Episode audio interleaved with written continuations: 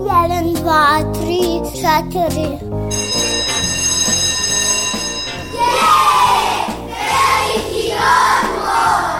Emisija o obrazovanju i vaspitanju.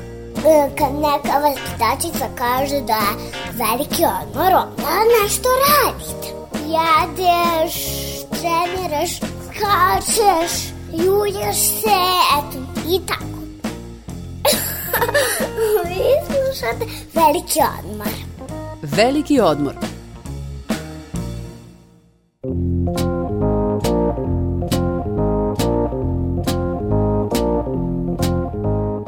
Razvoj lične odgovornosti najviše je zanemaren u procesu učenja. I ne samo tada, već i u situacijama koje nam život nameće. Zato se čini da je kombinovana i online nastava pun pogodak kada je reč o razvoju ove veštine. Ja sam Biljana Kuriš, a na početku nove sezone emitovanja Velikog odmora Radio Novog Sada otkrivamo prednosti i nedostatke kombinovane i online nastave u osnovnoj školi i da li su njima učenici postaknuti da razvijaju kod sebe odgovornost za učenjem. Prvo poslušajmo utiske Mihajla Savića o kombinovanoj nastavi. On je učenik osmog razreda u osnovnoj školi Pete Fišandor u Novom Sadu i ove godine polagaće završni ispit. Sad gradivo osmog razreda, koliko sam do sad video, lakše u odnosu na recimo gradivo sedmog razreda. Pripreme za prijemni, to će krenuti pa ne znam, od oktobra recimo, već će krenuti neke, ali generalno daleko je još to. Neobično mi je kombinacija te online nastave i nastave u školi. I tu je problem po meni, što meni i smeta na neki način, je neusklađenost rasporeda časova na TV-u i časova u školi. Ne znam šta da radim. Da li, ovaj, pošto časovi na TV-u su jedni, časovi u školi su drugi i onda tu malo konfuzija nastaje šta da se radi. Imamo ovaj, mnogo više da radimo nego inače, zato što s jedne strane, kada idemo online recimo, moramo da pogledamo časove na TV-u, a i nastavnici nam šalju predmete koje imamo tog dana, tako da to je više predmeta nego u rasporedu školskom. Kad smo imali ovaj prvi talas od marta do pa do kraja školske godine, jula, bilo je isključivo online nastava. I tada niko maltene nije morao ni da uči ništa, jer su ti testovi bili online i učio je ko je želeo zapravo. Tako da to je s jedne strane dobro, a s druge zapravo uopšte nije, jer smo izgubili veliki deo gradiva. Sada moramo ovaj, mnogo više samostalno da radimo. Ranije je dovoljno bilo da na času pažljivo slušamo i već bi dosta toga i zapamtili i naučili. Ne kažem da sad nije tako, ali mm, imali smo više vremena, jer su časovi bili duži, pa smo mogli i da pitamo nastavnike sve što nam nije bilo jasno. A sada ovim danima kad idemo online, m, mi gledamo te TV časove, tu nam ovaj, objasne, ali nije komunikacija direktna, nego slušamo samo i posle moramo da mi sami ovaj, čitamo knjigu i razumemo, da kažem. Ovaj, sama nastava u školi je lepo organizovana i vodi se dosta računa o svim preporukama kriznog štaba i generalno o epidemiji, ali problem je časovi su kraći za 15 minuta, pa mora sve brže da se radi i onda se i teže stigne da se odradi nastavna jedinica i gradivo. Pošto jedne nedelje idemo u školu ponedeljak, sreda, petak, druge nedelje utorak, četvrtak, u svakom slučaju imamo nedeljno ili jedan ili dva časa fizičkog.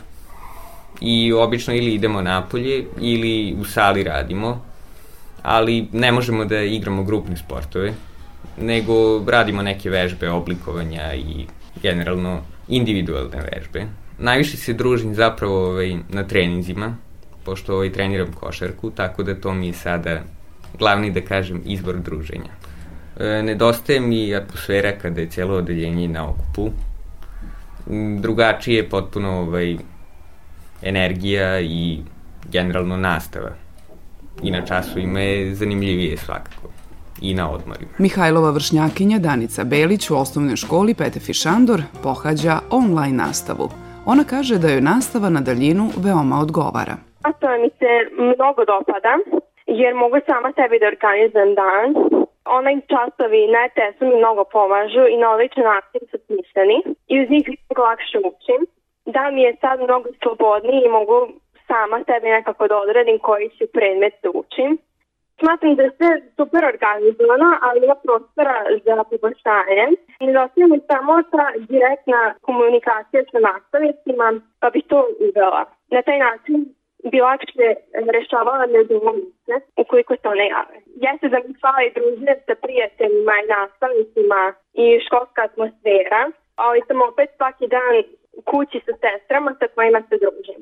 I Mihajlo Savić koji pohađa kombinovanu nastavu i Danica Belić koja je na online nastavi, učenici su koji postižu odlične rezultate u učenju. Njihov pedagog u školi Elvira Stefanović kaže da odlični rezultati ne moraju da budu jedini pokazatelji da se kod dece razvija lična odgovornost.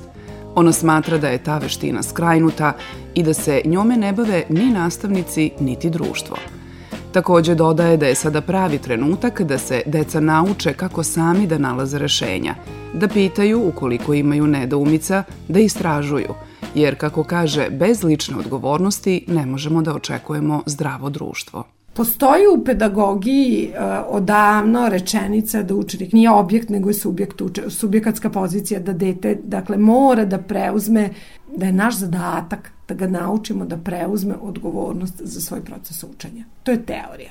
U praksi ja stičem utisak da je sve toga manje i manje. Uvek je kriva je učiteljica, kriv je nastavnik, kriva je škola, kriv je sistem, krivo je ministarstvo. A gde smo mi u toj priči?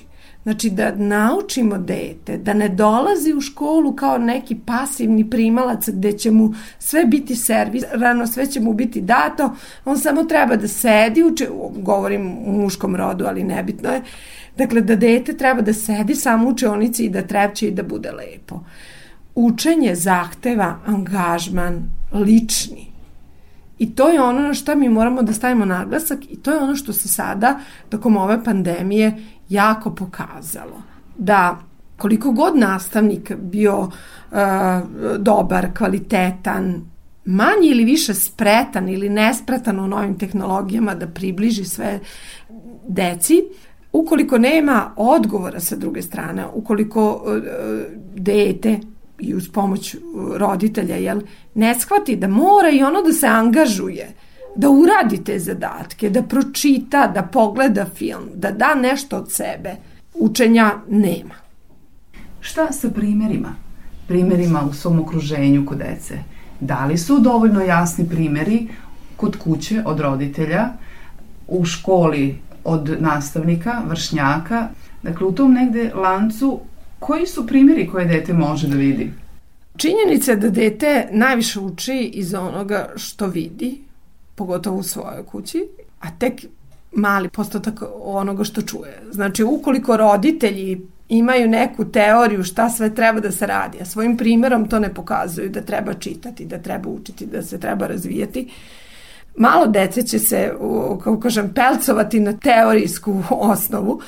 Dakle, koliko toga postoji kao model, toliko će se i razvijati. Ideja lične odgovornosti nije dovoljno prisutna i mi nismo svesni koliko pojam lične odgovornosti uopšte u životu je važan i koliko mi to moramo da osvestimo, da nam je vrlo često nam se desi da nam je neko kriv, muž, koleginica, posao, šef i tako dalje, političari.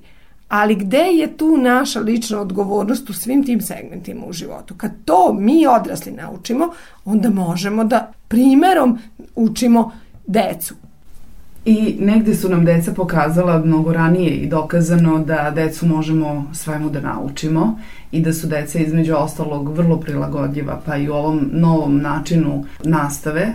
Koliko je značajna motivacija za razvoj lične odgovornosti? Nema prvaka koji nije sa nekom unutrašnjom motivacijom krenu u školu sa osmehom, sa saznanjem da je veliki, da je, da je dorastao do toga da, da može da krene u školu, a onda se vremenom ta motivacija gasi.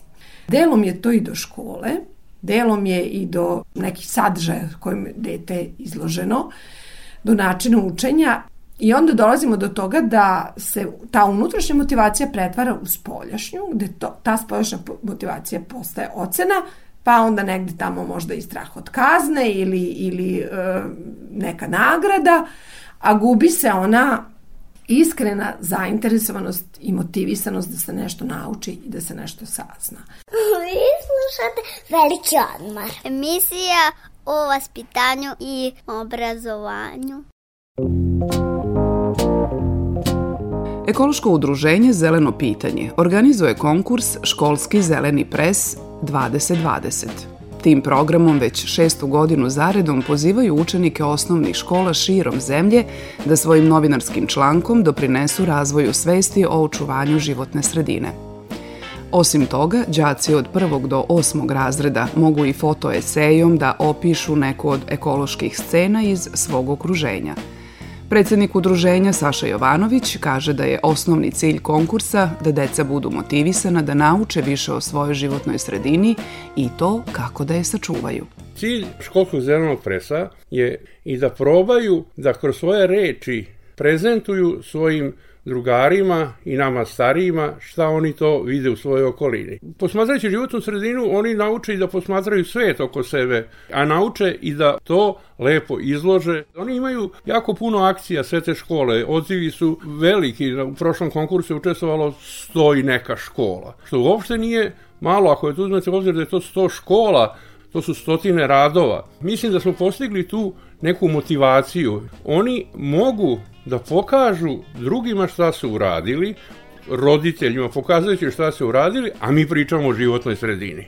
To je neki put gde se mi i igramo, a svi su u suštini pobednici. Put do tih tekstova nije ni malo lak. Ne pošalju oni samo tekst, jer mi se potrudimo na svaki tekst koji oni pošalju, da mi odgovorimo, e vidite, niste poslali sliku u dobroj rezoluciji, ali piše kako treba. Za konkurs mogu da se e, pročitaju na našem sajtu cuvariravnice.org.rs A evo i nekoliko saveta. Ukoliko ne znaš o čemu da pišeš, onda razmisli o tome kako izgleda tvoja okolina.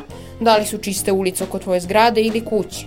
Da li je školsko dvorište počišćeno? Ima li zelenila? Da li se možda sećaš kako izgledaju mesta koja si posetio kada si išao na neki izlet? Dakle, možeš da pišeš o dobrim i lošim primerima. Isto tako, možeš u svom radu da pohvališ neku akciju, da pišeš o prirodnim lepotama, vodi, vazduhu ili možda o kućnom ljubimcu. I još nešto važno. Novinarski članak nije isto kao i sastav iz srpskog jezika. Zato potrudi se da pišeš u kratkim rečenicama, a naslov neka bude zanimljiv. Možeš da pošalješ i fotografije i napraviš fotoesej, jer slika govori hiljadu reči. Foren da pošalješ svoj novinarski članak imaš do kraja meseca. Na adresu skolski zeleni press at gmail.com Ako tvoj rad bude najbolji, dobit ćeš diplomu, knjigu i časopis. Slušali ste Veliki odmor Radio Novog Sada.